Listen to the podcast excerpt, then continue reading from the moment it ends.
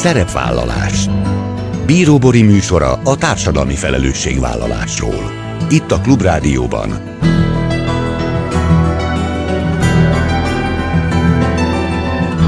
Szerepvállalás. Jó napot kívánok, Bíró Bori köszönti Önöket. Adásainkban hétről hétre példákat hozunk arra, hogy egy-egy cég vagy intézmény, netán magánszemély, milyen formában, milyen eszközökkel járul hozzá anyagi gondok, társadalmi problémák orvoslásához, az életminőség javításához, a fenntartható fejlődéshez. Így módon is kifejezve, hogy felelősséget érez azért a környezetért, amelyben él és dolgozik. A mai műsor rendhagyó, ugyanis ezúttal egy témát járunk körbe, egy elkötelezett civil jogvédővel, Hargitai Mártával, a ráktúlélők.hu oldal alapítójával.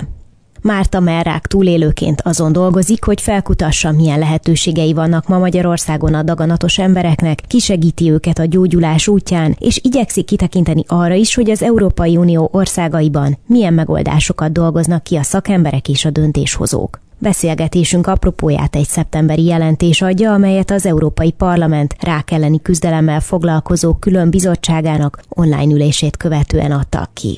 Ez a mai témánk, tartsanak velünk! Ma egy rendkívüli adással készültünk, ugyanis a megszokottól eltérően nem két témával, vagy nem egy téma két oldalról való megközelítésével jelentkezem, hanem egy nagyon nehéz, összetett, komoly témát hoztam, és ebben beszélgető társam Hargitai Márta, a Merrák túlélő, a ráktúlélők.hu oldal alapítója, elkötelezett civil jogvédő lesz. Jó napot kívánok! Szép jó napot kívánok! Köszönöm a lehetőséget. Mennyire nehéz a merrákról és egyáltalán a rákról beszélgetni az ember kívülállóként én legalábbis sokszor úgy gondolom, hogy ha túl vagyunk valami nagyon-nagyon nehéz élethelyzeten, akkor szeretjük azt inkább picit félretenni, tovább lépni, előre tekinteni, és amennyire az ön munkásságát ismerem, ön is megy tovább, és megy előre, de egyáltalán nem teszi el a múltat, hanem talán azt feldolgozva próbál megsegíteni nagyon sok más embernek, de hát azért nem lehet könnyű minden nap ezzel a témával kelni és feküdni. Való igaz, nagyon nehéz ez a téma, és a rákszót próbálom tompítani, finomítani, hiszen önmagában ez a kifejezés is nagyon nehéz, és negatív tartalommal bír. Akkor, amikor a emlő daganatot nálam diagnosztizálták, és a műtét előtt álltam, ez 2012-ben volt, én is a melvákszót használtam, és a sebész asszisztense figyelmeztetett, hogy szakmailag emberségesebb az emlődaganat kifejezés. Azóta igyekszem ezt a kifejezést használni, és a weblapomon is, amikor elkészült, akkor sok-sok szakembernek elküldtem, és kértem, hogy előzetesen véleményezzék, javaslatokat adjanak. Ott is visszacsatolásra került, hogy a rák szó túl sokat szerepel. Én hálásan köszöntem a visszajelzéseket, és tompítani igyekeztem ezt a kifejezést. Önmagában, ha az ember szembesül a rákkal, vagy inkább a daganattal, ez egy sokkoló hatás. Én is átéltem, mint ahogy sok ezren sorstársam is.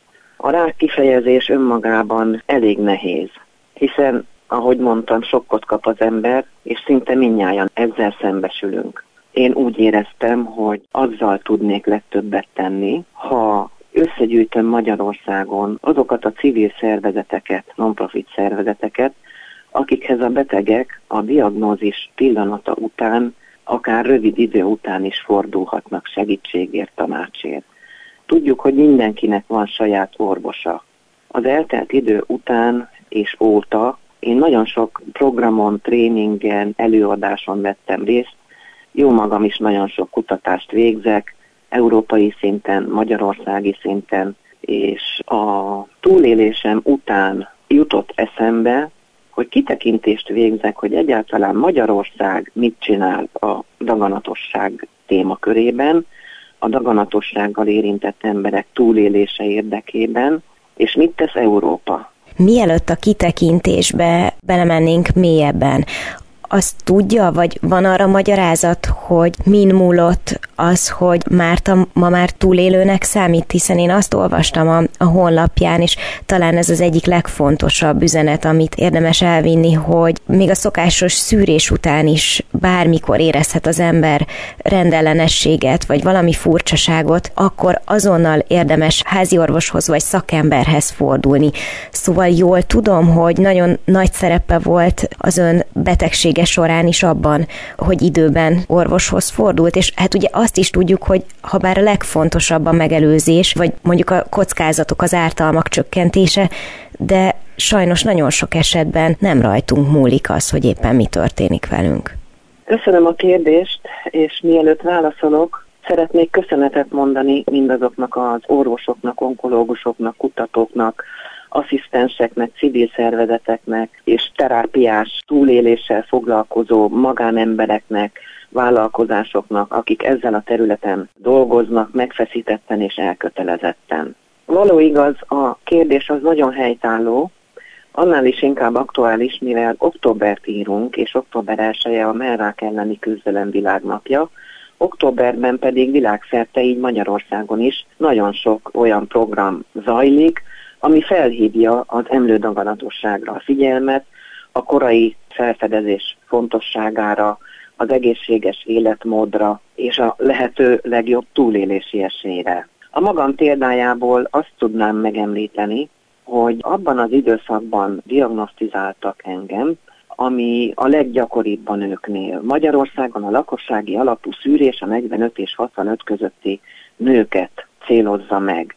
Nem kötelező részt venni, de jelentős nagy erőfeszítések történnek, hogy ebbe a korosztályba tartozó nők, hölgyek, asszonyok, nagymamák, lányok elmenjenek meghívóra a komplex emlőszűrésre. Nálam is előfordult, hogy évente kellett mennem kontrollra. Nem igazán tudatosult bennem, mert senki nem magyarázta el, hogy miért.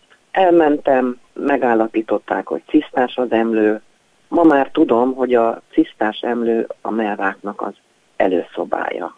Igazán a páciens központúságot emelném ki, ha akkor valaki mondta volna, hogy ez mivel járhat, hova vezethet, mit tegyek azért, hogy esetleg a kockázatot csökkentsem, biztos megfogadtam volna. Érdekesség, hogy 2006-tól az Európai Bizottság megfogalmazta a tagországok számára, hogy hozzanak létre merrák tanácsadó irodákat. Magyarországon a mai napig egyetlen egy sincs. Ez lenne Márta ennek az úgynevezett páciens központúságnak a, az egyik alapköve?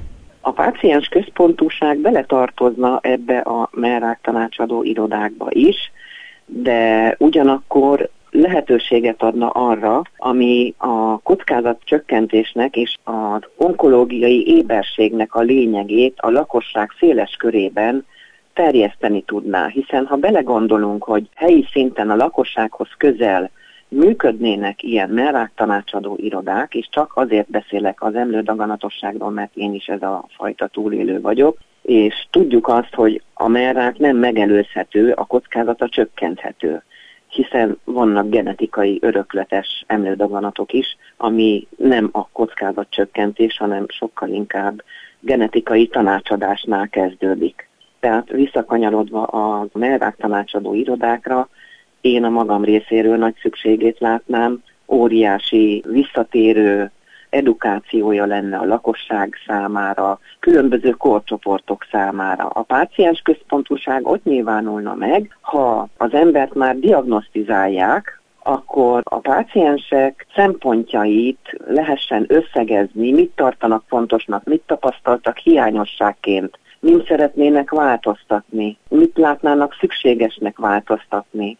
Ha csak a kockázatcsökkentést nézem, az én szemszögemből például nagyon fontos lenne a kutatókat abba az irányba ösztökélni, hogy ha egy emlő például cisztás, vajon mit lehetne tenni azért, hogy a, a leggyakoribb cisztás emlők ne jussanak el az emlődaganatosságig. Ez a téma egyébként kimeríthetetlen, és hogyha helyben lennének merrák tanácsadó irodák, vagy női egészségtanácsadó irodák, hiszen sok-sok olyan nő van, aki vagy emlődaganatos lesz, és utána petefészek daganattal küzd meg, vagy másfajta áttéttel, akkor sok-sok összetett dologról lehetőség lenne a lakossággal, és az érintettekkel, akár a küzdőúton, akár a túlélés tünetmentesség időszakában konzultálni. Nagyon fontos lenne, én a magam részéről, ahogy végigjártam az utamat, azt tapasztaltam, hogy befejeződött az aktív kezelés. Utána elengedte mindenki a kezemet.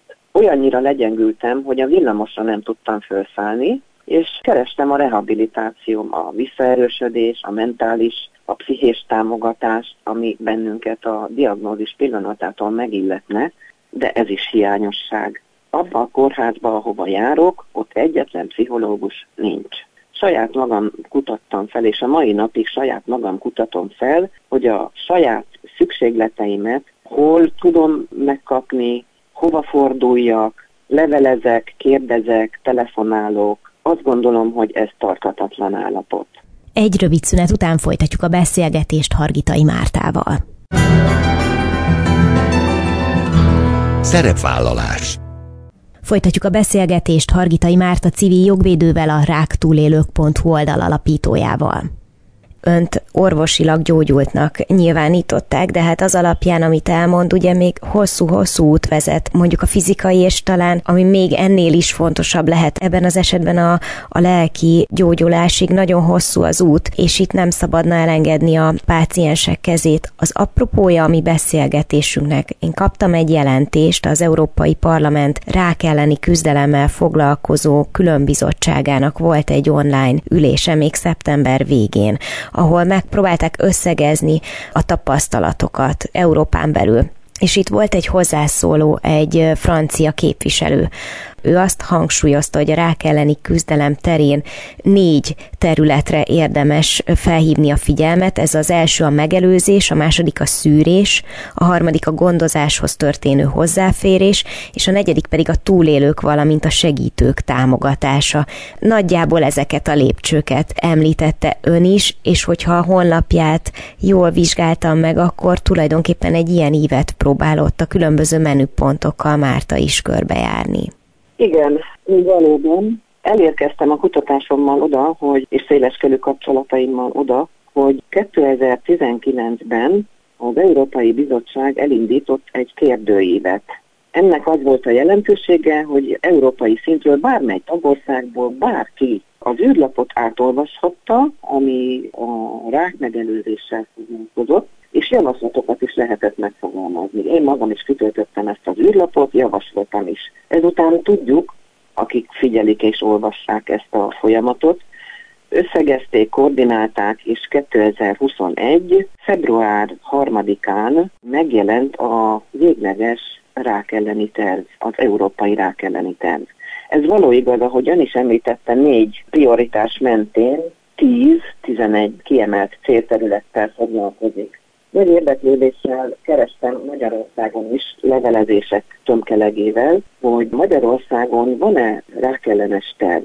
Azt tudjuk, hogy 2006-ban volt az első magyar rákprogram. Azt is tudjuk, akik ezzel foglalkoznak, hogy annak végrehajtása úgy tűnik, hogy nem történt meg. Oka sokféle, de elsősorban a legfelsőbb szinten a kormányzati szinten az elköteleződés és a források biztosítása kellett volna, hogy legyen. Az Európai Rákellenes Terv a tagországokkal együtt tervezi megvalósítani a tervet, és ehhez valóban a négy prioritás mentén 10-11 kiemelt célterületen fogalmazza meg a teendőket.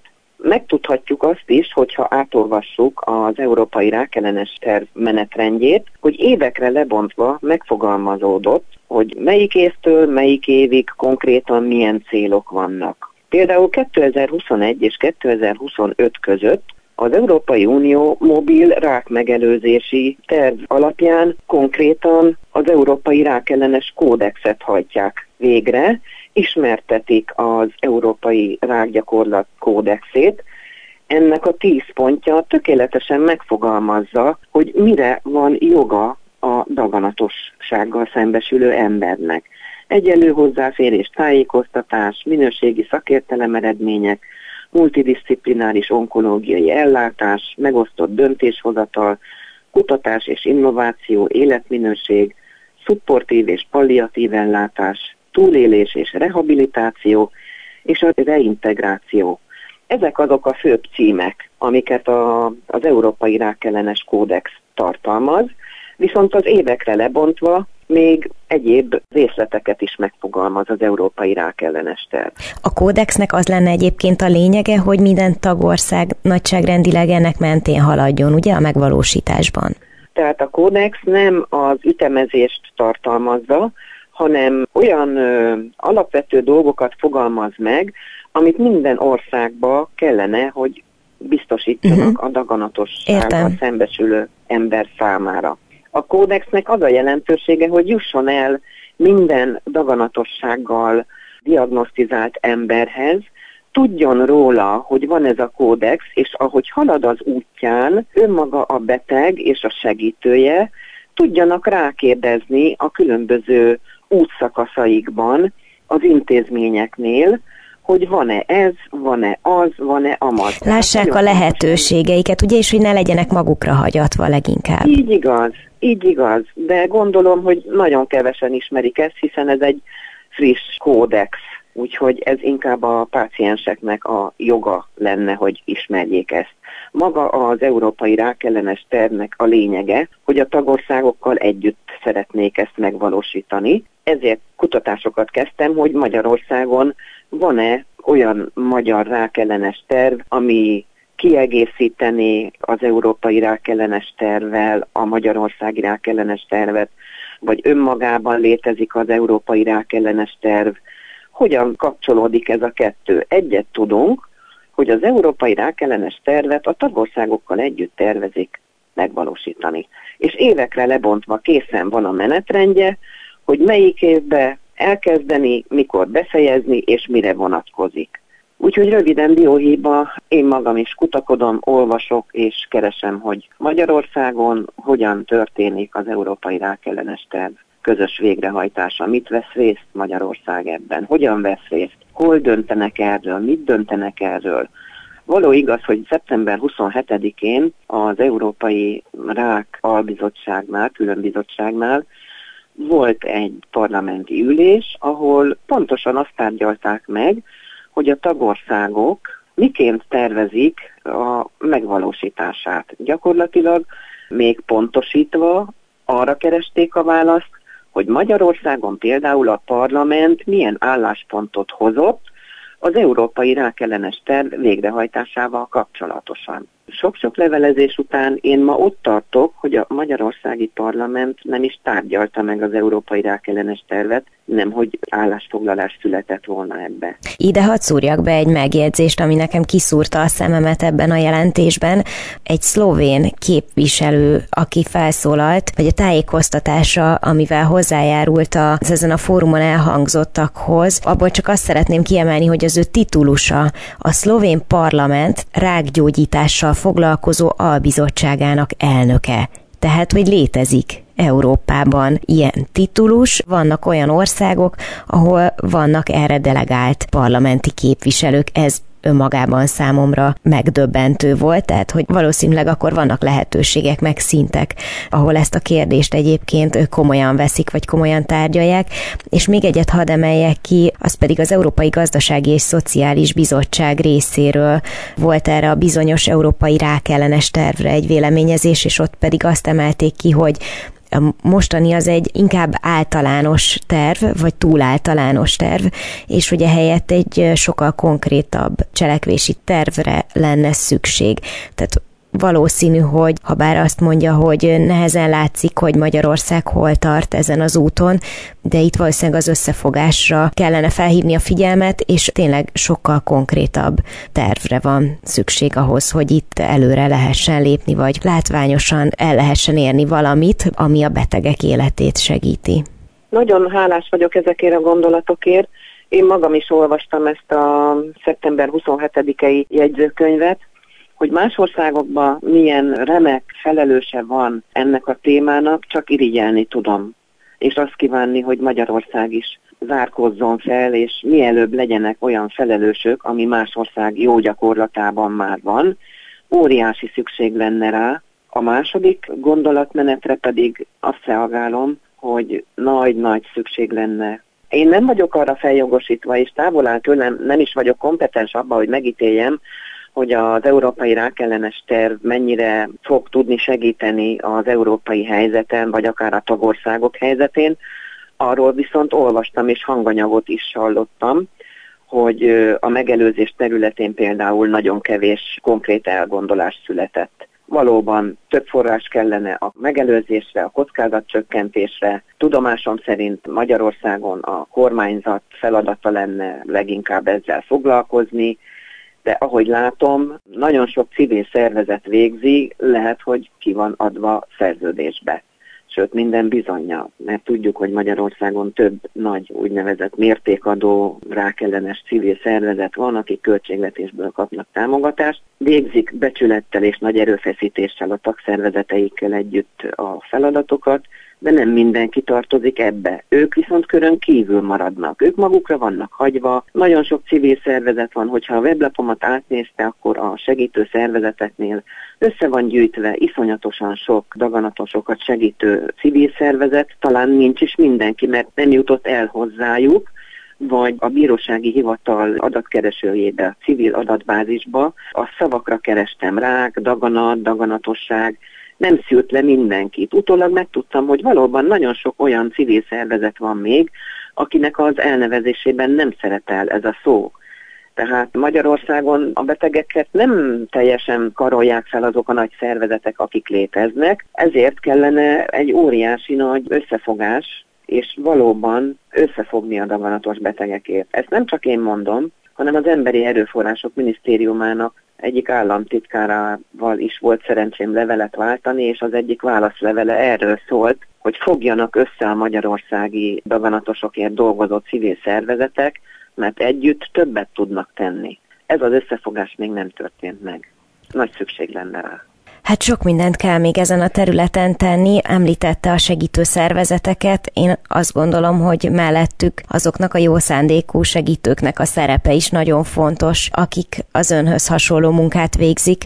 Én nagyon köszönöm, hogy engedett egy kis betekintést ebbe a területbe, illetve hogy őszintén mesélt a saját tapasztalatairól. Biztos vagyok benne, hogy az érintetteknek rendkívül fontos, hogy olyan emberekkel találkozzanak, mint amilyen ön is, és nagyon köszönjük a, a munkáját, Hargitai Mártával beszélgettem. Ő már rák túlélő, a ráktúlélők.hu oldal alapítója, elkötelezett civil jogvédő. Nagyon sok sikert, egészséget is kívánok önnek a jövőben, és köszönöm szépen, hogy itt volt a műsorban. Nagyon szépen köszönöm a lehetőséget, és bízom abban, hogy a már látókörünkben lévő innovatív lehetőségek mindinkább teret nyernek, mert ezé a jövő a digitális orvoslásé is, a szakembereké, a felzárkózásé, sok-sok tennivaló van. Köszönöm a jó kívánságot, és mindenkinek jó egészséget kívánok, önöknek is. Ennyi fért a mai műsorba, legközelebb jövő héten szombaton 18 órakor jelentkezem. Ha még nem tették, kövessenek minket közösségi oldalainkon, a Facebookon, az Instagramon és a YouTube-on. Ha bármiről lemaradtak volna, az adást pénteken 14 órakor ismételjük, de a Klubrádió weboldalán is vissza tudják keresni. És most már podcast formában is elérhető a szerepvállalás. Keressék a Spotify, a Google és az Apple podcastok felületein, ahol bármikor meghallgatható a műsor. Köszönöm, hogy velem tartottak, további kellemes online rádiózást kívánok. Bíró Borit hallották. Szerepvállalás